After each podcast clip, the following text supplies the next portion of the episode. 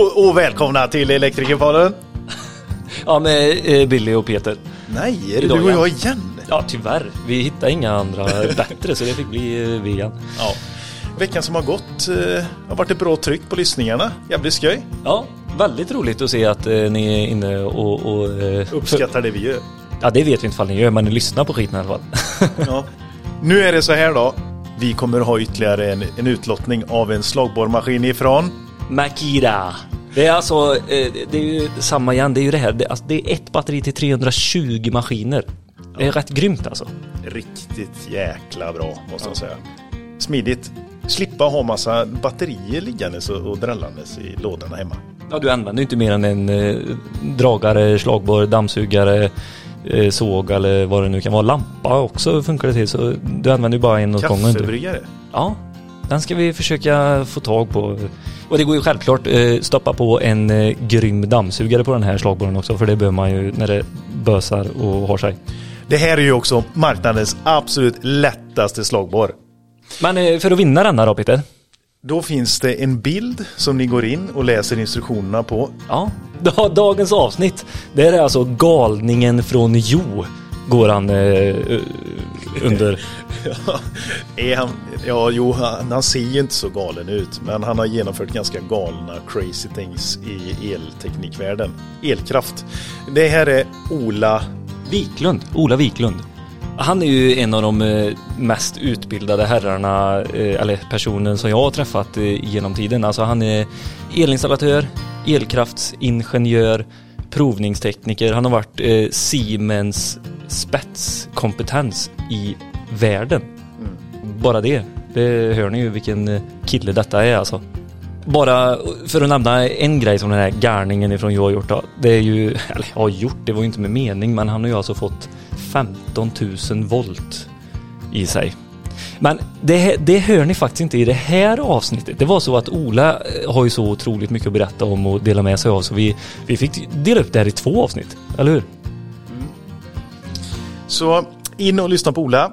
Håll koll på bilden som kommer på Instagram. Så lyssnar vi och njuter. Hej!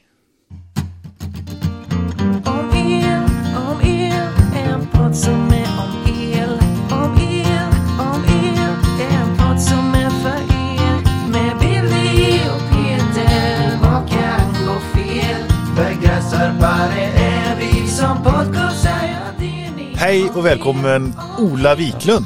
Tackar, tackar. Tackar, tackar. I eh, en husbil på en parkering i ett industriområde i Lysekil. En hymer.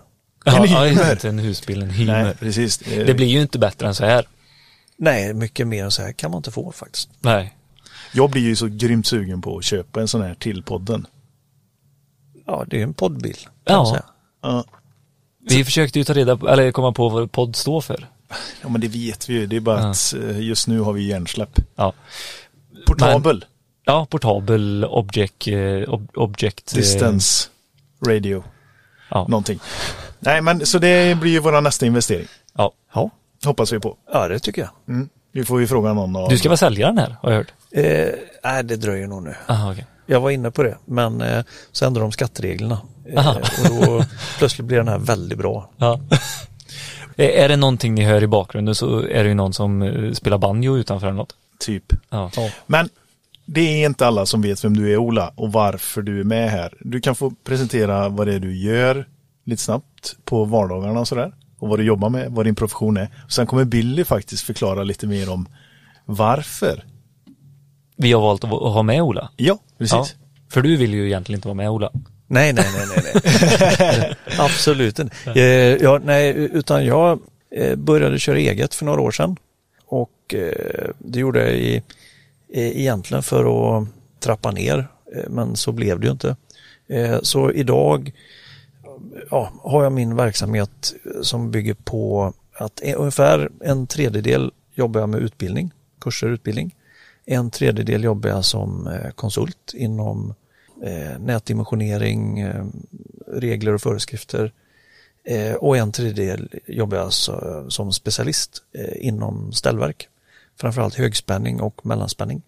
Och på ledningsdimensionering är det över hela spektrat eller? Eh, Ja, då ja, ja, man kan säga mellanspänning. Eh, Ja, okej. Mindre stadsnät, kommunnät Ja, ja. eh, på den nivån. Eh, Lo lokalnät kan man säga. Mm. Och mycket felsökning. Mm. Ja, bakgrunden till som jag bygger det på det är ju eh, att jag började egentligen på slutet på 80-talet på Televerket eh, med eh, fastighetsnät. Och sen eh, blev det ju eh, hela IT-svängen med allt vad det innebär. Så då gled jag bort ifrån det här med elkraft väldigt mycket för det blev väldigt mycket eh, IT-fokuserat. För på 80-talet var jag, tillhörde jag ju de yngre faktiskt. När är du född? Eh, ja, det är många som har frågat det. Jag, jag är född 67. Så att det var samma år, samma månad som Purple Haze gavs ut på vinyl. Här i. Ja, så har vi fått med den. Japp. Eh, Ding, ding, ding, ding. ja, Eller? ja, Börjar den inte så? ja? Jo då, jo då. Det är helt. Hendrix. Det är en av de få, det var, ja den har jag klinkat på några gånger. Eh, jag hade en eh, Gibson-kopia eh, som jag gav bort till min kusin. Han blev musiker på riktigt. Eh, men eh, eh, men Du eh, spelar igång den här. Ja, ja, ja, ja. Gud, ja det, var, det var egentligen, den bytte jag till med på högstadiet. Eh, Jag hade en eh, sån här eh, radiostyrd bil som gick på bränsle som jag aldrig fick igång riktigt. Så hade jag en klasskompis som var, han, ja, han ville gärna ha den eh, och så hade han en, en elgitarr och som han inte ville ha. Så då sa jag, ja, men då byter vi. Eh, så, så började det liksom. Så halkade jag in på Det var ett bra byte, Ja. låter det som. Ja, ja, det var fruktansvärt bra. Eh, men sen gav jag bort den då gratis. Så man kan säga att, ja, men hej och det, Ja. vi har många som har glädje av den. Liksom. Ja, ja, ja.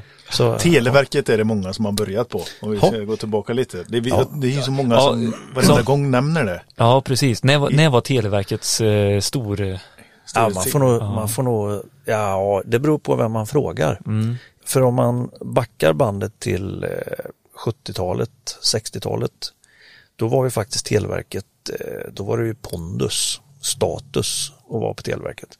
Pratar vi 70-talet, 80-talet, då var Televerket en trygghet. Eh, Då, då är du safe, alltså då är du trygg. Eh, Men pratar vi 60-talet och tidigare då, då var det ju alltså vegamössa och grejer liksom och väst. Alltså, det var ju, de hade ju nästan kostym när de gick och jobbade. Liksom. Alltså jobba med en telefon på den tiden. Var Ja, ju, just det. Högtänkande. det var ju grymt. Eh, för te, fram till ja, någon gång början på 90 då ägde faktiskt Televerket allas, alla telefoner. Så responsen och alla de här det var ju Televerkets e- egendom. Det var inte din som privatperson. Jaha, fick du ansöka om att sätta in det då eller? I Det, det följde med ditt abonnemang. Ah, Sen okej. kunde du lösa ut extra då i telebutik. Ja. Eh, men det var inte din telefon. Eh, så att det var upp till Televerket att bestämma om de skulle laga en telefon som var trasig. Eller byta ut delar eller byta ut hela telefonen. Så att som privatperson så kunde du felanmäla din telefon om du bodde i en lägenhet.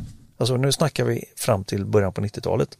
Och sen kom det en televerksbil och som tekniker kom upp i ditt bostad. Jaha, här var en trasig telefon och så lagar man eller ja, när, när, respon, när man när res, de, responsen då var det en telefon med tryckknappar på. Mm. Den lite runda, mjuka, riktigt modern high-tech telefon eh, när den kom. Den, eh, då slutade man faktiskt laga telefonerna. Jag, jag, jag var ju till och med med när man plockade isär telefonen hos kunden och, och laga eländet. Eh, man stod och lödde i de här bakelittelefonerna. Men eh, när responsen kom, den här lite finare med, med knappar på, eh, ja, då slutade du laga. Då bytte du ut hela luren eller bytte ut sladden. Eller så hade du med dig, du hade ett gäng sådana i bilen. Så du bytte ut hela telefonen bara. Men i, alltså 90-talet, början av Början av 90-talet, 90, ja. det är inte länge sedan. Och Nej. här sitter vi, Jag säger ju det. Så med just att den här parentesen runt Televerket, jag gillar Televerket nämligen. Mm. För förr då, om vi tar 60-talet och tidigare, då var det det var status att vara på Televerket. Mm. Alltså då hade du kavaj när du gick in. Alltså nu kommer Televerket. Nu får det vara tyst och så låta Televerket hålla så här. Alltså det var, det var på den nivån liksom. Mm. Eh, sen någon gång på 70-talet så chanserade det där. Eh, och sen handlar det mer om att då gled man in på att ja, ja, men har du bara jobb på Televerket, då är du i hamn. Då behöver du inte bry dig. För att börjar man på Televerket så fick man ju en livstidsanställning. Så att då var du garanterat jobb fram till pension. nej, Jo, kategoriskt. Så det gjorde ju då att du kunde aldrig sparka någon på Televerket. nej. Oavsett vad arbetsledaren, avdelningschefen eller vem vad de än tyckte. Så det gick ju inte att ge dig sparken. Så därför hade du kanske fyra, fem gubbar på ett jobb som bara krävde en person. Liksom. För det var ju ett sätt för samhället att fånga upp folk på också. Jaha, okej, Om man man s- slussar in lite genom Nej, det gjorde också, man ju inte. Nej. Men det blev ju den mer eller mindre funktionen. Ja. För tittar man på vad som hände i slutet. Jag var ju med, var det 90, 91? Då hade man en jättesatsning, nya Televerket. Jag har till och med kvar en sån t-shirt. Nu ska vi skärpa till oss och abonnenterna ska vi kalla det är kunder. Det är inte, alltså nu ska vi verkligen service-minded. Mm. Men det var fortfarande Televerket. Eh, då, då fick du inga livstidsanställningar och sånt. Alltså, för det slutade man någon gång med mitten på 80-talet. Eller vad det var. Men de som var anställda innan det, de Ja. var liksom Ja, livstidsanställda. Och då var det då att, eh, och lönerna var ju inte speciellt bra. Alltså Nähä, det var ju det var ju löjligt låga löner för tekniker och elare och sånt. Så, eh, jämfört med privatföretag eller vanliga företag. Okej. Men det gick ju inte, gjorde ju inte många knop på dagarna och det, det var ju väldigt behaglig tillvaro. Och sen, sen eh, fortsatte ju allting det där intakt kan man säga när man gick över och blev till Telia då. Mm. Ja, det är Telia, alltså de som har den här livstidsanställningen, Eh, anställningsgarantin, de jobbar på Telia idag. Ja, och det, nej, för det Nej. upphörde att vara statligt verk. Så att då hade du ju då att din livstidsanställning hade du ju kvar. Mm. Men då blev du ju, de som inte ville släppa den, då blev de helt enkelt omplacerade. Mm. Så Alltså, och statlig verk, det innebar att ja, det kan vara att jobba på SJs barngård i Kiruna. Eller ja, det blir ju sådana sjuka. Mm. Ja, så att i praktiken var det ingen, fyllde de ingen funktion de där. Nej, nej. Klart om du bor i Kiruna så är det rätt gött men Fast då var du nog erbjuden i Malmö som barngård. Ja, eller, precis. Typ. Ja. Så, att, ja. det, så att det där var väl ingen, eh, det var väl ingen rea, eh, verklighet bakom det i slutändan. nej. Men, men, eh, och sen när det blev Telia, det var ju väldigt mycket av den här televerksandan kvar. För det var en riktig anda inom kåren. Alltså det var, det var en familj, för man umgicks väldigt mycket ihop. Alltså det var otroligt mycket jippon. Mm. Eh, typ eh, två dagar Liseberg, bara anställda. Eh, regelbundna gratis frukostar på veckorna. Inofficiella after work på onsdagar. I, ja, gratis, alltså egna sådana här badmintonhallar, eh, squashhallar. Alltså det var, de här, det var fantastiskt mycket förmåner. Eh, och, som, som följde med då, alltså det gjorde ju att du hade ett liv inom jobbet om man säger så. Men den annan försvann ju sen när man blev företag då, för då var det ju normal ekonomisk styrning. ja, jag, jag sitter här och tänker på de som betalar Det gick skatten. inte blöda längre så Nej. att säga. Men å andra sidan, då fanns ju inte förmånsskatt, den kom ju också på 90-talet. Ja, mm. Så att eh, så innan förmånsbeskattningen på eh, olika varor och tjänster kom så då kunde ju arbetsgivaren bjuda alla anställda på frukost varje dag. Mm. Eh, Och det kostade inte den anställde ett öre utan det var en kostnad för företaget. Jag börjar ju bara tänka mig en gång typ andra statliga, alltså jag, sjuksköterskor och, och eh, den biten och vård, vårdomsorgen egentligen överlag. Det är ju de som ska ha de där grejerna. Frukost och gå ner och äta när, Förmånerna ja. ja förmånerna. Ja, nu var det Televerket istället. Ja, Ja, det var inte jag- rätt Ola, den får du ta på dig. Ja, ja, den tar vi på oss. Men jag kan säga att det var, det fanns ju, när jag slutade på Telia sen, eh, så har jag, jag har ju varit på många mindre småföretag som där man hade minst lika roligt, även efter förmånsbeskattningen. Eh, Ja. Då fick du sistledet och leverantörerna stå för det istället. ja, Ja, så det var, Det är därför de finns Ola. ja alltså, det var, Jag ser ingen annan nytta man betalar ju i princip skatt till dem inom parentes också. ja, Ja, jo. ja, eller ja, skatt är mer, jag ser mer som en avgift. Man Ja, ja, för, precis. det, för skatt är en form av bestraffning. Eh, alltså för, förr i tiden så fick du betala skatt. Det var ju om du inte hade skött det, då åkte du på skatt. Alltså, Ja, ja. Det är ju ett, egentligen är det negativt det här med skatt. Mm. Så att eh, det här med att vi måste betala skatt, det är ju det är att man bestraffar någon, i, om man ska vara, se hela linan. Så eh, för mig är inte det här med, med skatt någon förmån. Det är att jag blir bestraffad för att nu har det gått bra för mig. Nu bestraffar de mig. Ja, Peter, du får gå in. Det, Peter, det här tycker ju du ändå är viktigt. Att betala skatt. Det säger du alltid till mig. Gillar du inte att betala skatt? Ja, skatt är ju viktigt. Ja. Eh, sett utifrån vad den används till idag. En grej eh, som slår mig, det är att efter den här perioden både på Televerket och Telia så du har ju fortfarande inte gått ner i vikt. Nej, nej, nej. Herregud. Jag skojar Jag, jag, eh, tvärtom, jag hade ju problem. Upp till 40 där hade jag problem. Hur jag än gjorde så gick ju inte att gå upp i vikt. Det spelar ingen roll vad jag gjorde.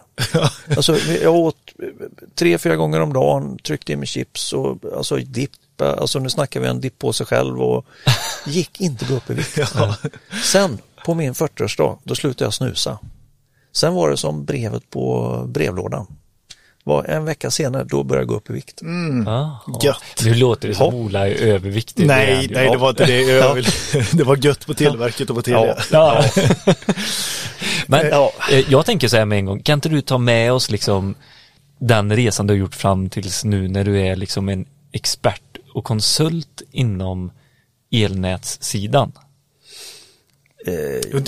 Ja, och sen skulle jag vilja lägga till också. Billy har haft eh, dig Ola som lärare. Ja, precis. Det var så, auktoriseringen. ja, Ja. det var så jag kom i kontakt eh, med Ja. dig första gången och eh, eh, märkte att du var en eh, riktigt god gubbe och eh, hade väldigt mycket roliga historier och var, hade så mycket erfarenhet och verklighetsförankringar som vi gick igenom på, under den här kursen. Ja, ja, ja.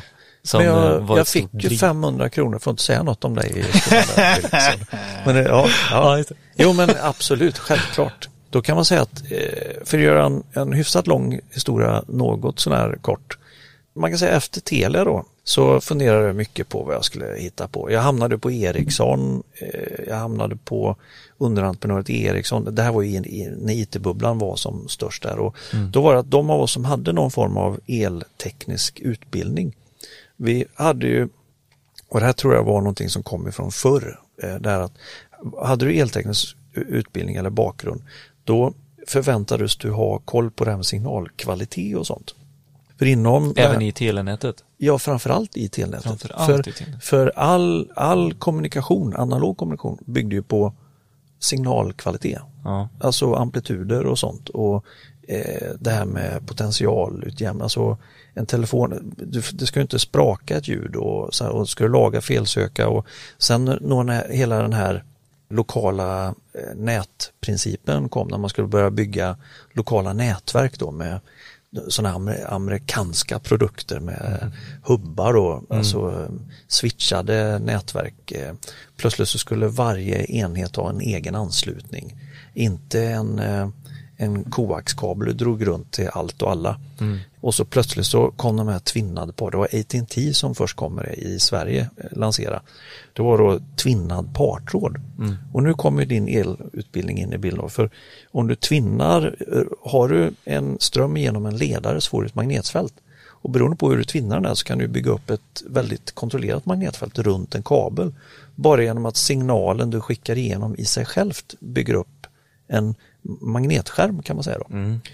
Och då fyller den samma funktion ungefär som en flätad skärm. Eh, För yttre för påverkan utifrån.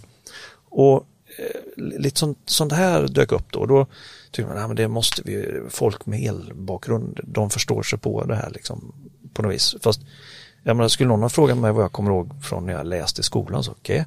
Så, alltså, det, så är det ju. Eh, Ja ja, det var ju på Telia det började för mig det här med datanättrafik och sånt, eh, lokala nät. För då, då var det stordatorer och minidatorer, det var det som gällde på företagskundsidan. Det är som en mall, Word-mall du går in i så här, det är bara att det, du sitter med ditt tangentbord på ditt skrivbord och din skärm som återger, speglar, den streamar egentligen det som händer i stordatorn eller minidatorn som står i källaren där borta. Där borta är intelligensen. Så du har bara en skärm och tangentbord kan man säga. Eh, så all form av händelse skedde, all process är borta vid datorn. Nu kom persondatorerna. fanns inte ett företag som stödde det här. Liksom. IBM hade ju sina datorer, det var ju, det var ju ja, de tunga grabbarna. Liksom. Men företagslösningar, nej men det är fortfarande terminaler och stordatorer eller minidatorer. Sen kom då datorer, Vilket årtal är vi på nu? i början på 90. Ja. Så eh, då kom då persondatorer. Så jag fick ju gå de här första kurserna på, när det började, då fanns ju inte routertekniken fanns ju inte. Utan då fanns det ju brygger på, på sin höjd. Det låter sjukt trögt. Ja, ja visst. Ja. Det, så att det här, eh, det här vi har idag, det är ju helt fantastiskt. Ja. Eh, men sen eh, ja, började den här eh, IT-bubblorna gå hit och dit då. Mm. Så då började jag ta mig och fundera, att nej nu måste jag ta tag i det här. Eh, och då var jag trött på det här flummeriet, nu, nu vill jag tillbaks till något man kan ta på. Ja, då hade du elutbildningen i, I botten. I botten. Eller ja, egentligen var det ju, jag hade läst motsvarande natur, naturvetenskaplig. Eh, och så med extra tillval på fysik och matte. Så för på den tiden tyckte jag tyckte matte var roligt när jag gick i skolan. Eh, och då hade jag så här computer studies eller datorstudier då, programmering. Det var också väldigt high tech om vi talar början, mitten på 80-talet nu. Det var eh, Commodore 64, det var ju värstingen på marknaden, VIC 64. Vi köpte en begagnad VIC 20 vet jag, det var nästan så jag skämdes. eh, Men i alla fall. Eh, och så eh, då tänkte jag, jag måste, jag måste ta tag i det här. Så då, då, då gick jag tillbaks till, eh, till el, eltekniker. Då. Eh, tentade om lite olika kurser för att få min begränsade behörighet, då, eller vad man ska kalla det. Och sen eh, hamnade jag på, inom industrin som underhållselektriker och, och jobbar med allt från ny, nya projektmontage eh, till underhålls och förebyggande service eh, inom framförallt styrning och motorstyrning och sånt och CNC-styrning eh, och lite ställverk, eh, bara i gränslandet. Mm.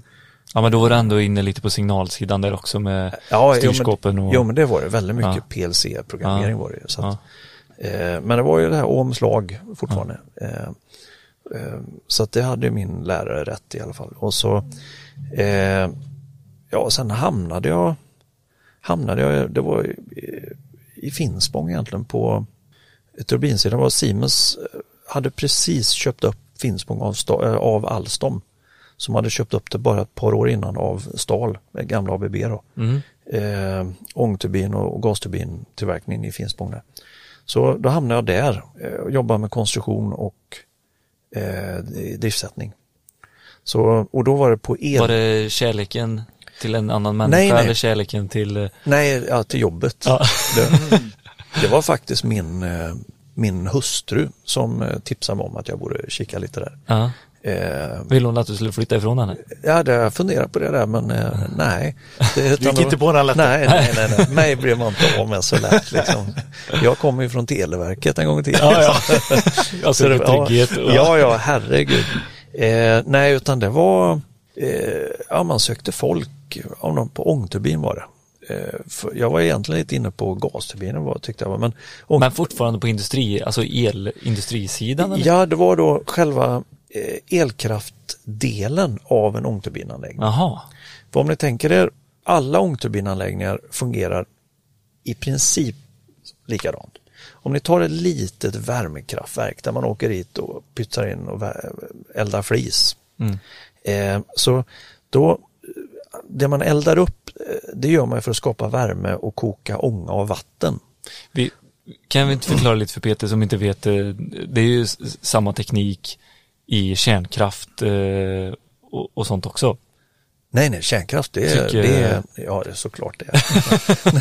Så Jo, men om vi tar, bara jag ta kan, lite exempel Jo. och ge Peter så han hänger med i vad du kommer berätta om nu. jag kan Jag har dra en kompis som jobbar i Finspång. Jaha, se där. Det var där han stannade. Ja, ja. Nej, man säger att eh, oavsett storlek på de här anläggningarna så är principen densamma. Det vill säga att Eh, jag har någonting och hettar upp vatten så det blir lite ånga. Den här ångan leder jag sen fram, oavsett om jag hettar upp den ytterligare eller låter den vara sån här. Men ångan leder fram till en, eh, till en turbin, till en ångturbin. Och har jag bara tillräckligt eh, bra tryck och bra kvalitet på den ångan så då kommer den här turbinen att driva den här turbinen ungefär som en propeller. Eh, och den här turbinen sitter då fastmonterad på en axel. Och när den här turbinen börjar snurra runt och rotera då börjar den här axeln som den sitter på rotera runt. Och då uppstår samma effekt som du har på en cykel med dynamo och lampa. Det vill säga att turbinen är hjulet som driver axeln som den här dynamon ligger mot så att säga. För den här dynamon ligger och trycker så då, när hjulet snurrar då snurrar det här lilla hjulet på dynamon där. Mm. Och när den börjar snurra runt här nu, ja då plötsligt så börjar det då, utan att röra till det, så kan man säga att när den roterar runt, då roterar man runt en stor sån här dynamo. Men i, i det här skicket just nu, om vi snurrar runt allting i nominellt varvtal, allt bara snurrar 3000 varv per minut, oh, så, här, eh, så är ju den här generatorn som sitter på samma axel nu då, så här, den är ju inget annat än en, en dyr klump med koppargrejer. Eh, så för att den här ska generera nu någon form av, effekt, ja då måste jag skapa med ett magnetfält här inne. För att det är när jag har ett magnetfält som det börjar hända grejer här när elektroder korsar. Eh, så då måste jag ha en utrustning för att magnetisera den här utrustningen. Mm. Det är nu det börjar bli roligt. Liksom. Mm. Eh, för nu när jag bygger upp de här magnetfälten och det börjar komma grejer som korsar här, då händer det plötsligt saker. Mm. Innan är det ganska mek- mekaniskt. det är en mekanisk Upp, uppbyggnad. eh, Det är en ren klump som snurrar runt. Ja. Liksom. Det är en fin klump och, och dyr klump men, men fortfarande bara en klump. Liksom. eh, så för att jag ska få ut någonting av det här nu då, då måste jag bygga upp mina magnetfält. Och det är där elaren kommer in i, i en sån anläggning. För att eh, det, det jag var driftsättare att jobba med det var då hur man magnetiserar. Dels eh, tar då själva generatorn i drift. Turbinen hade jag inte så bra kläm på, men generatorn, det var, det var mitt jobb att ta den i drift. Och med den så innebar det då den här utrustningen som krävs för att magnetisera. Eh, och sen till den så hörde ju saker som att du har eh, olika former av skydd eh, för att skydda generatorn och magnetiseringsutrustningen. Eh, sen kan det vara krav ifrån nätägaren, alltså nätet du ska fasa in på. Då hade man krav på att du ska ha skydd för att ja, händer det något med dina grejer så får du inte skapa problem på nätet. Så att då hade du krav därifrån och fick titta på vad det är för skydd. Och, eh, sen olika anläggningar, då hade du, det ingick även med brytare eller eh, ja, det var olika omfattning beroende på, på kunden. Då. Och, och det är ju det, lite därför du är med här också Ola, för att det här vi snackar om nu, det är ju liksom urkraften för att el, elen ska flöda i vårt samhälle.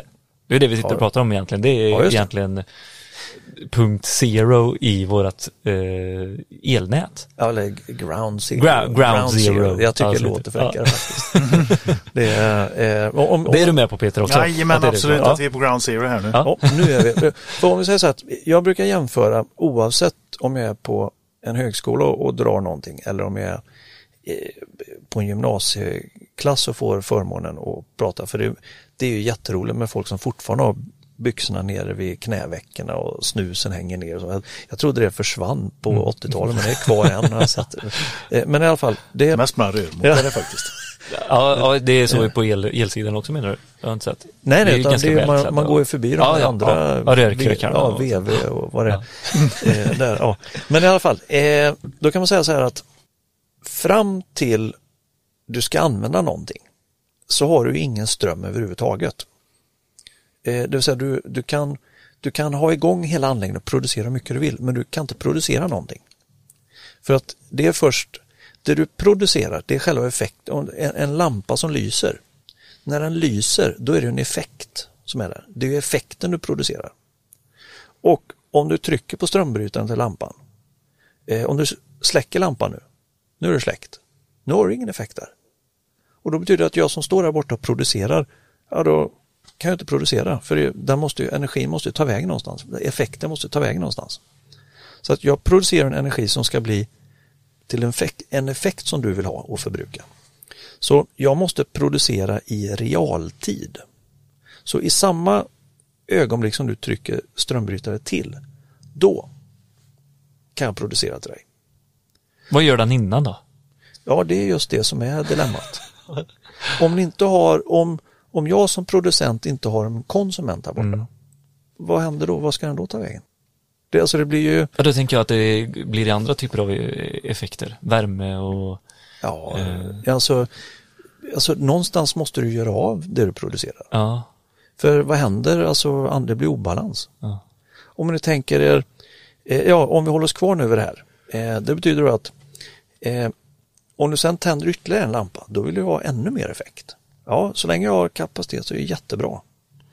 Eh, men så, eh, ett, tu, tre, ja då kopplar du på så många lampor så att, eh, äh, vad tusan nu, jag räcker ju inte till. Ja, då, då får jag ta till nästa här borta, vi får köpa av honom också, så släpper vi in den kraften där också, importerar vi därifrån. Eh, men någonstans på vägen här nu så förutsätter jag att all, alla kablar mellan oss och dig som konsumerar där borta, de måste ju vara så pass stora att all den här effekten får plats i nätet bort dit. För att även om det finns hur mycket effekt som helst att ta av här så måste ju fortfarande överföringen av effekt fram till dig, eh, den måste ju få plats i kablarna. För det har, ju, det har ju alla lite känsla för det här att en elkabel som blir överbelastad, den blir ju varm och kan ju rent av brinna. Liksom. Och det är vad som händer om kabeln är för liten. Om vi då går tillbaka till grundkonceptet här, så säger vi att när vi en gång i tiden byggde upp det här stolta elnätet vi har i Sverige, eh, med alla våra kraftstationer och allt det, även om vi har nybyggda anläggningar hit och dit. Så allting bygger på att vi nyttjar en infrastruktur som eh, byggdes med principen innan vi hade sådana här eh, moderna elmiljölampor och laddstolpar och eh, Eh, solenergiceller och vindkraftsparker och sånt. Alltså hela vår infrastruktur bygger på att eh, vi har kraftverk och vi har någon som ska ha en lampa tänd där borta. I princip. Eh, och så har vi byggt med marginaler.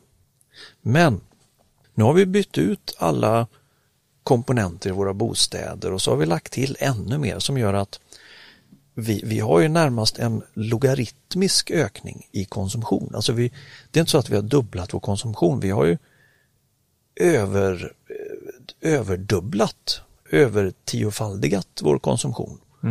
På grund av att vi digitaliserar mer och mer och mer. Så att då är det inte så att vi bara har ökat 10-20% eller ens dubblat utan vi har ofantligt ökat varje individs konsumtion av effekt. Men vi har inte bytt ut vårt infrastruktur, vår infrastruktur. Vi har fortfarande samma nät vi jobbar med. Mm. Så även om vi tog i från tårna, alltså nu snackar vi de här hedervärda eh, ingenjörerna som hade trekostym, de hade väst på sig på jobbet. De hade en sån här lampa utanför dörren man var tvungen att trycka på och så fick man grönt om man kom in eller rött och så stod det vänta eller upptagen. Så, här. så de gubbarna, när de satt och rita och dimensionera våra nät, de hade ju sådana, de behövde aldrig, de tittade ju inte på vad får det kosta, utan de hade ju, ja vad ska vi göra? Och sen la de bara fram underlagen, så här blir det. Och så fick ju staten eller kommunen betala då, vad det var. Och då hade man ju marginaler, alltså transformatorerna, de var överdimensionerade till hejsan. Du, vi, vi gjorde Men tra- transformatorer, nu hoppar du över generatorerna då? eh, Ja, eh, jajamän. De, För att de var Också också... underdimensionerade. Eh, nej, Nu- nu- För dagens nej, om vi, säger, om vi talar, om, vi- om vi kommer talar, det många frågor på en gång. Ja, helt Men om vi håller oss till infrastrukturen här nu, Ja. alltså bara överföringen från producent till konsument, Mm. Så går ju den i ett nät Mm. på olika spänningsnivåer och eh, genom olika delar. Det är ju det vi säger, det är vår, oavsett inom en kommun eller stad, det är ju en form av infrastruktur i den staden för att försörja alla. Men om vi håller oss från producent, oavsett vart producent, den kan vara i Danmark eller Tyskland lika gärna, fram till där ni bor. Så hela vägen fram, me- mellan er, det är infrastrukturen för att överföra all effekt. Och i den infrastrukturen, då är det som bara kablar, ledningar, transformatorer, ställverk där man kopplar och slu- ansluter grejer. Alltså, allt det här är en del av paketet. Och allt det här från förr är ju dimensionerat med enormt bra marginal. Det är bara att det man utgick från med marginal då, det var ju en konsumtion som var en bråkdel av vad vi har idag. Mm. För det första så hade vi ju inte, det var inte så mycket, hur mycket var digitalt på 60-talet, 70-talet? Alltså jag, vet, jag kommer ju till och med ihåg när vi köpte vår första färg-tv liksom. Mm. Det, och det är inte så länge sedan. Eller jag frågar du mina syskonbarn så är det länge sedan, men, men inte i min värld. Men vi har ju LED nu som drar mindre. Ja, och det är det som är det intressanta. Eh, det du, för det är det här som jag kan ha många diskussioner med på hemmaplan.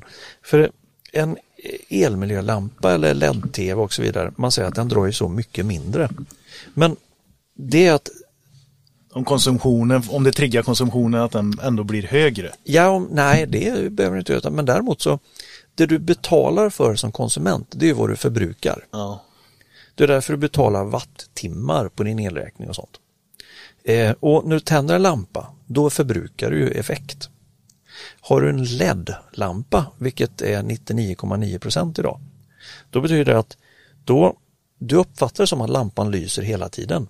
Men egentligen så är det en liten intelligent komponent, halvledarkomponent där i, som gör att den öppnar upp dörren för effekt, energin, en viss stund. En fjärdedel av vad ett helt, en hel konsumtion är. Men- eh, Men han, gör, han öppnar upp så pass mycket för att släppa igenom så pass mycket energi och så stänger han till. Och så öppnar han upp igen och så stänger han till och så håller han på med sådana intervaller att du uppfattar inte som att det blinkar eller någonting. Det lyser ju. Det lyser ju. Men rent tekniskt sett så din förbrukning är ju nu bara en fjärdedel mot vad den var förut. Nu när vi satt in den här lilla intelligenta komponenten, eller den är inte speciellt intelligent men den är, den är bra, liksom. den är praktisk, en sån här liten turisthistoria. Mm. Alltså den, den gör då att den öppnar och stänger dörren för energin här nu, för kraften. Så att eh, du uppfattar att det här lyser jättebra, den kostar bara en fjärdedel av vad den andra lampan kostar i förbrukning. Liksom. Skitbra, jag köper fler sådana lampor. Eh, och så. Men jag som producerar, jag kan ju inte producera, säg att jag har en hel eh, livscykel, en hel vi- 50 Hz pratar vi om, 50 Hz nät har vi, det känner alla till. Du har 60 Hz i USA och England och sånt. Det, det vi pratar om nu, det är egentligen bara hur många sådana här varv de här eh, perioderna är på, ja, hur ska man, utan att röra till det här. Eh, Ja. Ma- man, man kan säga att eh, sinuskurvor, det har ju alla kommit i kontakt med i skolan. Eh, och om man då tar att vi har ju en hel period. Det, den består av en positiv halva och en negativ halva. Eh, en sån period har vi ju 50 stycken av. 50 hertz, 50 sådana per sekund. Och det, Oavsett eh, spänning. oavsett spänning. Utan det här är, det är alltså Alltså det kvittar om det är på högspänningsnätet där ute eller i uttaget inne i, i huset. Tittar jag på Peter och förklarar lite. Ja. Så, och, och det har att göra med att vi, vi pratar om växelspänning. Växelspänning växlar mellan plus och minus och det, det gör växelspänning 50 gånger per sekund kan man säga. Så här. Och det, då blir det som ett, en hel cykel. Den börjar på noll, går upp och svänger tillbaka, tillbaka till noll och så blir det minus, eh, jättemycket minus tillbaka till noll och så håller den på liksom. Eh, och det du betalar för det är en, förr då, det var en period då, 50 sådana per sekund. Alltså det är, en, det är produktionen här. Eh, om du nu har en, en intelligent, eller om du nu har en liten turist som gör att han öppnar bara upp en kort stund och så stänger han. Och så öppnar den upp en kort stund, stänger och så vidare. Tillräckligt snabbt för att eh, du ska tro att det lyser hela tiden här nu. Då, det som händer är att du betalar ju bara för en fjärdedel då. Men när jag ska producera det här, ja, jag måste ju fortfarande få min generator att snurra ett helt varv. Mitt magnetfält måste ju gå 360 grader. Alltså, jag behöver ju fortfarande producera en positiv helperiod, eller halvperiod, en negativ halvperiod. 50 sådana personer måste jag fortfarande ta fram. Men jag får bara betalt nu för en fjärdedel där liksom. Eh, så att det är inte så att vi behöver producera mindre bara för att du betal, betalar mindre. Jag måste fortfarande producera lika mycket. Fast du betalar inte lika mycket längre i, i, din, eh, i din användning. Och problemet, det, det här i sig... Ja, jag, vill, jag vill komma till eh, vad, vad blir problemet i det? det här, det här i sig är inget problem. Men när du nu börjar koppla upp dig och digitalisera allting överallt i ditt hem. Förut hade du kanske, när jag var liten, och det är inte så länge sedan, då fick man alltid till sig att du släckte väl lampan innan du gick ut. Eh, Du, du tände väl inte där nu. Eh, Det, så mörkt är det inte än, du behöver tända. Alltså, för det, det var ju rätt dyrt med el för. Det var ju svindyrt. Plus att eh, det drog el helt enkelt. Så att vi hade ju kylskåpet stod och drog och frysen. Och sen tvn, där var jag tvungen att dra ur kontakten. Och det var inte för att skydda mot eventuell åska för man, man kände att den var ju varm här, alltså det det stod och drar el. Så att, ja. så att eh, förr du hade inte så mycket som, som drog el. Det var inte så mycket effekt. Du, du som enskild användare plockade inte ut så mycket effekt hemma för. Men idag är allting på. Lampor är på, datorer är på, laddare. Du har omvandlat till allt möjligt idag. Så att idag har du ett sådant effektuttag i ett vanligt litet hem som motsvarar kanske ett helt villaområde för. Men vi har inte gjort någonting åt vår infrastruktur. På produktionssidan, här har vi ju lekt lite. För på 70-talet, det var ju då vi slås in där med kärnkraft på allvar. Alltså om man är lite krass här. Eh, då började vi bygga upp det här med säker, för det var ju det var egentligen Socialdemokraterna som pushade hå- hårdast för det här med kärnkraft i början. För det var säker produktion av, av effekt. Nu kan vi producera och ta fram vår egen effekt på ett mycket säkert och stabilt sätt här. För alternativet var ju det här med kolkraft och sådana här grejer. Alltså vattenkraften har vi ju kvar. Fantastiskt. Men den är ju i norra Sverige. Mm. Vi kan ju inte överföra den effekten ner hit till södra Sverige. Det går inte. Liksom. Vi tappar så mycket effekt på vägen. Det går att, inte det än idag. Även inte fast att vi har våra gasturbiner eller? Nej, det går inte än. Utan det vi pratar om det är att du, Turbinerna, det var det Ola försöker förklara. Turbinerna producerar bra fortfarande, men vi har inte infrastrukturen, alltså nätet. Vi har Mellan en flaskhals här. Ner till södra Sverige. vad du tänker i en Om vattendamm. du tar emot den halvvägs, skickar den vidare. Nej, då, Ah, det är Peter. Ja, ja, eh, Ja, men för, ja, ja. Om, om, om, om du har en vattendamm, där har du en turbin, en vattenturbin som snurrar. För det vi har nu är fortfarande problemet om det som kan vara ett dilemma för elektriker. Det är ju det här med en elektriker som åker runt och sätter upp laddstolpar på folk, hemma i garaget hos folk. Eh, sätter upp de här eh, solcellerna på taken. Det här håller ju på att börjar bli problem i nätena.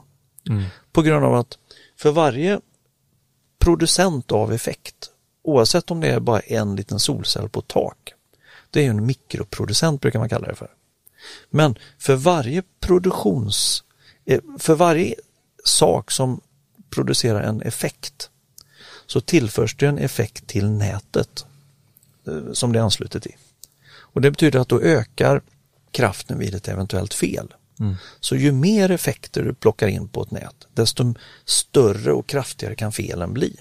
Så om det här nätet vi har i den här kommunen, dimensionerat för 40 år sedan, och, och vi nu har byggt upp en massa nya producerande enheter som tillför effekt till det här nätet, då kommer de här kortslutningsströmmarna att bli radikalt annorlunda mot när man en gång i tiden dimensionerar näten. Ja, ja, nu hänger jag med. Och det är, ju, det är ju där egentligen som du jobbar mycket idag, den Ja, här det. en, en tredjedelen av att kolla de här reläskydden som ska ta den här största effekten innan den når Ja, ut till farliga ställen. Ja, om vi då kommer till, eh, för ja, vi, vi får fortsätta den här historien helt enkelt. Så att, eh, jag kajk, kajkade runt på ter, eh, ja, turbinsidan då ett tag med att konstruera de här elkraftsystemen runt omkring turbinerna och även tog dem i drift eh, givetvis. Mm. Men sen blev det att jag halkade in mer och mer i själva transmissionsdelen i näten i ställverkena. Och då hade jag det här att jag jobbade kanske hälften av min tid i ställverkena på högspänningssidan och hälften av min tid på turbinsidan med, med just ja, ställverkena runt turbinerna. Då. Och då var det både reläskydd och brytare, effektbrytare och, och transformatorer och generatorer. Så att då var det eh, hela mixen, där, hela värdekedjan kanske man kan säga. Det måste vara så sjukt skönt att ha varit med från produktionssidan till he- hela vägen till konsumtionssidan. Oh ja, det, man får ett sammanhang. Ja, precis. Och framförallt så om man tittar på det här med dimensionering i nät. Mm. För det här är någonting som väldigt få elektriker kommer ihåg ifrån sina utbildningar. Och det är att oavsett om jag jobbar med eh, lågspänning som installationselektriker eller om jag jobbar eh, som drift, i drifttagare på högspänningssidan så är det den juridiskt ansvariga personen för att den här kabeln, vajern, luftledningen, eluttaget, den som är ytterst ansvarig för att det är rätt dimensionerat och konstruerat. Det är personen som tar det i drift. Inte den som har konstruerat eller hittat på utan det är den som slår till strömbrytaren. Den personen har det formella ansvaret att säkerställa att det är rätt grejer, det är rätt dimensionerat, det här är safe, det, det här kan inte börja brinna, ingen kommer komma till skada här nu. Och det är därför vi har, som ni har tagit upp i tidigare, det är därför vi utför vissa kontroller innan vi tar någonting i drift. Allting, Innan vi lämnar över anläggningen till ja, jag, brukaren. Eh, mycket av det går också igen på högspänningssidan. Och det är det jag jobbat med de sista åren, eller innan jag började köra eget. Och det var just det här att eh, kontrollera eh, anläggningen innan man tar dem i drift. De sista två åren när jag var på Siemens då så var det väldigt mycket eh, garantijobb och sånt. Jag avslutade faktiskt innan jag slutade med det som lead engineer för Siemens i Sverige på högspänningsprodukterna. Det är ju jädra häftigt. Ja det var det faktiskt. Ja. För då, och, och det som var roligt med det, det var ju att jag hade så fort något var trasigt eller någon eh, hade en garantianspråk eller fabrikationsfel eller någonting. Då var ju jag fabrikens förlängda arm då till att göra en första besiktning. Så jag fick ju se verkligen allting. Det var eh, roligt. Det kan jag tänka mig. Då Eh. gjorde du bara en okulärbesiktning och sparkade lite på Ja, ungefär. Ja, och sen hade Kassetterna lite, lite innan du-. Men, men då... Men du, innan vi lämnar den här produktionssidan som du var Ja, på eh, och, och började, vi kommer eh, även till den här driftteknikern Ja. eh, som du höll på med relä och kolla reläskydd och, Ja, och säkerheten i ställverken. Men du, har du varit med någon gång om, eh, för du åkte väl runt och i driftsatte Ja, ganska stora eh, ja. generatorer Jajamän. runt om i världen eller? Ja, just det. Det, Ja. var, det var ju när jag var i, i Finspång här. Då, De var en stor producent. ja, Låter de, det som. de tillverkar turbinanläggningar. Ja, Och en turbinanläggning sätts ju in i olika kraftverk hit och Ja. dit. Antingen det är värmekraftverk eller nu höll ju inte Finspång på med, med turbiner för kärnkraft då, men det kunde vara väldigt stora anläggningar. Eh, och man kan ju, det det handlar om det är egentligen hur man kokar vatten till ånga. Det finns olika sätt att göra det på. Eh, kärnkraft är ett sätt. Eh, det är de största anläggningarna. Sen finns det ju sätt att koka ånga på att du har gasturbiner och så i den värmen som blir extra, som istället för att skicka ut den i luften så kan du ha den och rikta den till en panna med vatten och koka ånga där då. Och då kan du leda den ångan till ångturbiner, då får du det på köpet liksom. Mm, mm. Eh, kombianläggningar och sånt. Så att, eh, eller det jag höll på med de sista åren, det var de här solkraftsanläggningarna i Spanien. Eh, och det har jag hållit på med fram till senast bara för ett par veckor sedan. Och, och besiktigar nu då. Men jag var ju med och tog dem i drift, många av de där anläggningarna. Mm. Vilket är Eh. det spännandaste stället eh, liksom som har varit och eh, se kulturen och allting och komma och driftsätta. Ja, det måste varit Colombia. Okej. Ja. För att, att vara på produktionssajt eller vara på sajt och gå där och det springer ödlor mellan benen på en. Liksom så här, och, Mm. Eller det står när de svetsar eh, ångrören innan du kan börja dra med kabelstegar och sånt så måste de ju komma förbi med alla rör då. Eh, oljerör, ångrör och vattenrör och allt vad det är. Och de här kulturella skillnaderna i, i arbetsmiljö och, och, och sånt. Och att stå då i en sån här jättehall med rörsnuttar hit och se folk stå ovanpå rören med svetsaggregat och svetsa på nästa rörstump och så gå ut på den och så svetsa i, i, istället för mobila plattformar och, Ja. och säkerhetsselen och sånt. Det är, för en som svensk är det helt surrealistiskt. Mm. Eh, och så vistas då mitt i allt det här och så gå och käka lunch på någon sån här nere vid floden eh, och så är det små sådana här, eh, vad är det, kaimaner eller vad det heter som visslar runt i vattnet och äh, det var brutalt. Mm. Va, vilka, jo- var det fortfarande det här Finspång-företaget du Ja, för då, då var det, då hette det Siemens då. Siemens, Ja, Siemens. Billy. Ja, jag har hört talas om det. Ja, Det är Ja. bara 350 000 anställda eller vad var Ja, det då? precis. Men det var innan de jag har sagt att jag har en kompis som jobbar där. Eller? Var Ja, det, det den var det Finspång det eller? Ja, Nej, precis. Och det, det var ju det här, vad heter det företaget? Snillmans. Snemens. Eller Sapa? Nej. nej. Ja, men, Jo. alltså det måste ha Ja. varit så himla häftigt. Har du varit över hela världen? Har du varit i Eh, alla världsdelar? Nej, inte Japan och inte Australien. Nej. Nej, okej. Är det men de bilderna du inte- inte har varit i? Ja, delar, men sen i och för sig Taiwan har jag inte varit i. Så jo men det är kryper det fram? Nordkorea? Ja, ja. Nordkorea? Nej, nej det, det var Okej. tyvärr, för det hade jag verkligen velat. Nu, nu, men nu frågar jag om världsdelar. ja, i och för sig. Just det. Nej, världsdelar, eh, då, nej, då är det bara Australien jag inte varit på. Ja. Ja. Men eh, jag tänkte på eh, den här solkraftsanläggningen i Spanien som du är på med. Ja, det är 38 stycken eh, jag har varit på. Solkraftsanläggningar. Yes. Det är ganska stora grejer i Spanien. Ja, de är, och det här är ju nu, det finns ett, eh, ett bälte runt jordklotet som har mycket soltimmar. Eh, och när det gäller solkraftsanläggningar så, eh, solceller det är en sak som fångar upp eh, strålningen från solen med värmen. Men sen är det solkraft. Eh, eller, Varför ska det aldrig vara enkelt? Jo men det här är fruktansvärt enkelt. Då kan man säga att det är då, finns Ja, två... men jag sitter och snackar, du vet, eh, när man sitter som säljare. Ja, man är skitbra med, du vet, att ha sol på taket och så har du laddningen in i bilen där och så har du plaid och styrningar och hemmalarm och grejer. Och, Jag ser bara brandrisk överallt. Ja. Men det är, ja. Men är det här en sån anläggning där du värmer upp olja? Ja, eh, ja, det finns, eh, det finns oj, två, nu briljerar han Billy här vet du. två principer. Ja. Det ena är det som Billy är inne på med ett, om vi tänker oss en, eh, vad heter det, konvex heter det va, när det är Mm. böjt så. En rad med speglar som är konvexa ungefär som en sked. Och precis i, i mitten på den här böjningen av den här spegeln så ligger ett, eh, ett rör. Eh, ett glasrör, genomskinligt glasrör. Så att, och, och det är placerat nu i den här bågen av, av eh, spegel så att när solen träffar spegeln så reflektionen där de här reflektionerna möts, det vill säga zenit för den här reflektionen. Där har man placerat det här glasröret. Och i det här Där glas... hela solen bara koncentreras så mycket yes, det ungefär kan. som ett förstoringsglas. Ja. Eh, sådär. Elda myror och grejer. Ja, eller ja, det fick, det var, fick, fick man ju skällning för men, men eh, syrrans skor och sånt kunde man ju märka. Så här, och, så. Men i alla fall, den här oljan den blir upphettad till eh, ja, någonstans runt 300 grader och sånt där, helt otroligt hög temperatur. Den pumpas bort via cirkulationspumpar bort till en värmeväxlare.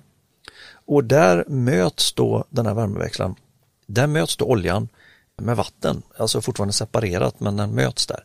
Så att då kokar oljan ånga av vattnet i värmeväxlaren.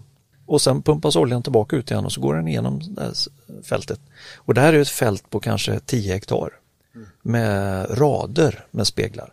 Där, där är glasröret med olja, oljan pumpas runt i de här raderna med rör och värms upp. Och så pumpas det tillbaka in igen. Så, och så håller det på så. Den här ångan då, den leds sen bort då till och värms upp ytterligare i lite olika historier. Och så leds den bort till turbinen som vi pratade om förut. Som då roterar, snurrar runt den axeln som generatorn sitter på. Som vi då magnetiserar upp.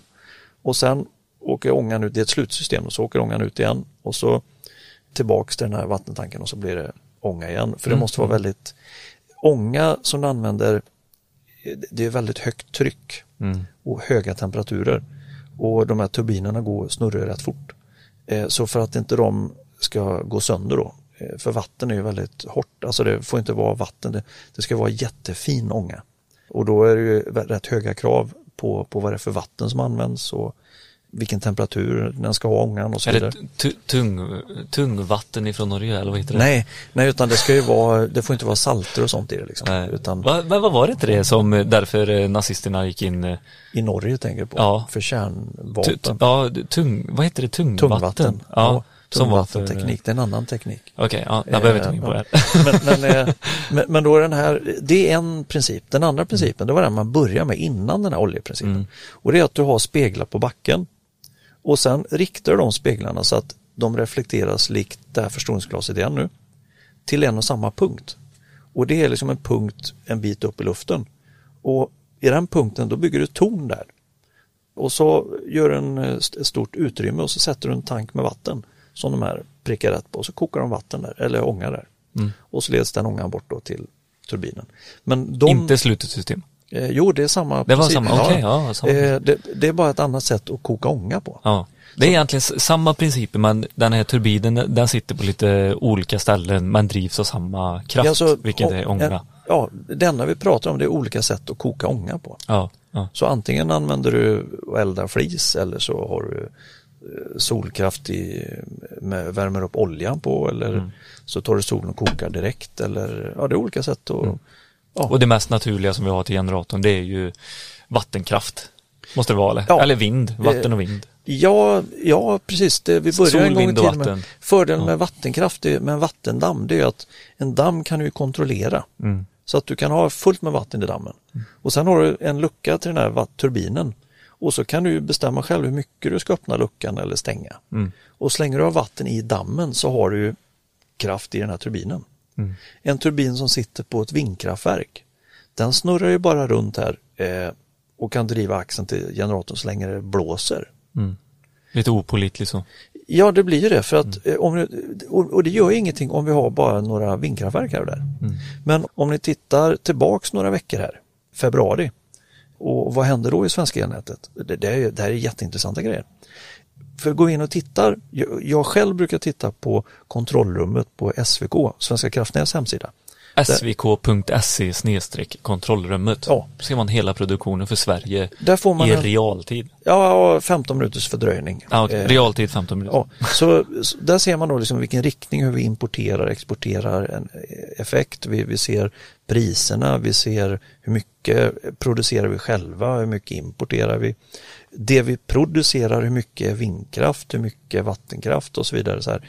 Och tittar vi då på när vi har riktigt hög vindkraft, alltså för tio år sedan då kanske vi pratar 5% upp till 5% brukar man säga. Liksom. Kan vara vindkraft och allt möjligt. Men idag är det inte ovanligt att se att vi ligger 15, 20, 25 procent. Mm. Problemet är bara när det slutar blåsa. Om vi nu ligger med 20 procent produktion av, av vindkraft och det slutar blåsa plötsligt. Ja, vad händer då? Det, det tar ju en bra stund nu för att nu har vi stängt ner lite kärnkraft här i södra Sverige. Vattenkraften kan vi inte driva ner hit. Nu plötsligt, ja, nu kan vi inte starta upp något nytt hur enkelt som helst. För de reaktorer vi har nu och jobbar med, det tar ju en stund att jobba upp dem. Och som jag förklarade förut, det vi förbrukar producerar vi i realtid. Om det nu dröjer en halvtimme för mig att reglera upp här borta så att vi kan producera mer. Ja, men då kanske, då, du kan ju inte vänta med att, du skulle inte, du kan inte vänta med att använda energi på en halvtimme. Du ska ha, din lampa ska lysa när du trycker på knappen liksom. Bang!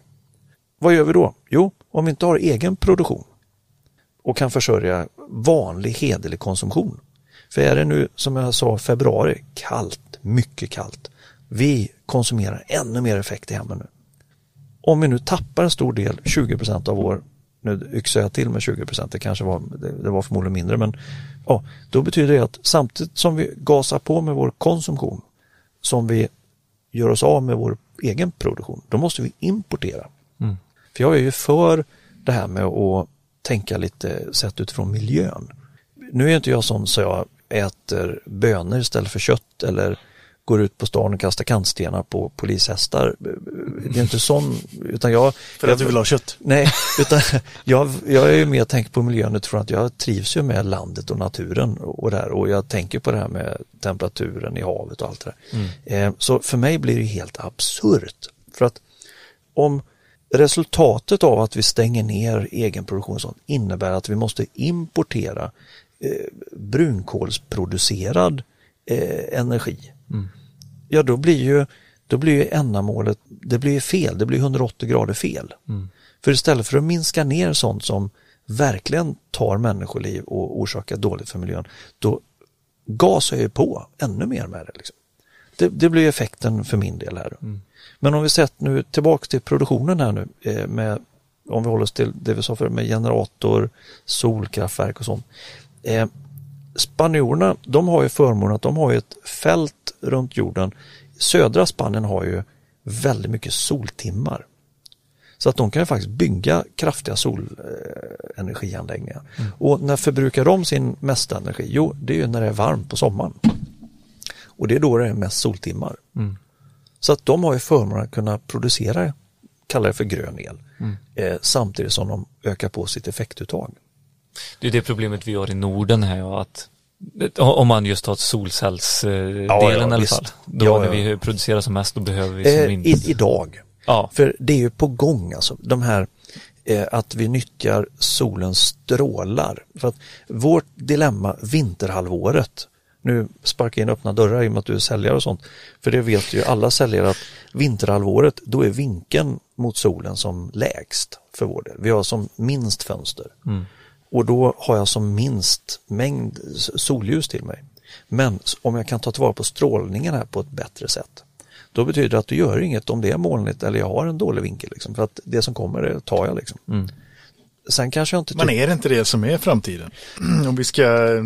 Jo, men det är Ola olika inne på, det är inte, det är inte just de här solcells, alltså kiselanläggningarna som vi har. Nej, Nej, men jag menar inte så, utan jag menade hur vi ska kunna lagra den energin som vi producerar. Ja. ja eller på något sätt att Och det är vi väl på väg att... och Ja. Tänker du batterier och så eller? Typ ja. Ja. Ja, kan vara. Det är inte säkert. Alltså vi Nej. kanske inte har sett hur vi ska tänka. Det enda jag vet är att med dagens teknologi och Mm. dagens infrastruktur så är det kanske inte sådär jättesmart att, att sätta solcellstak på alla nya hyreshus man bygger i städerna. Liksom.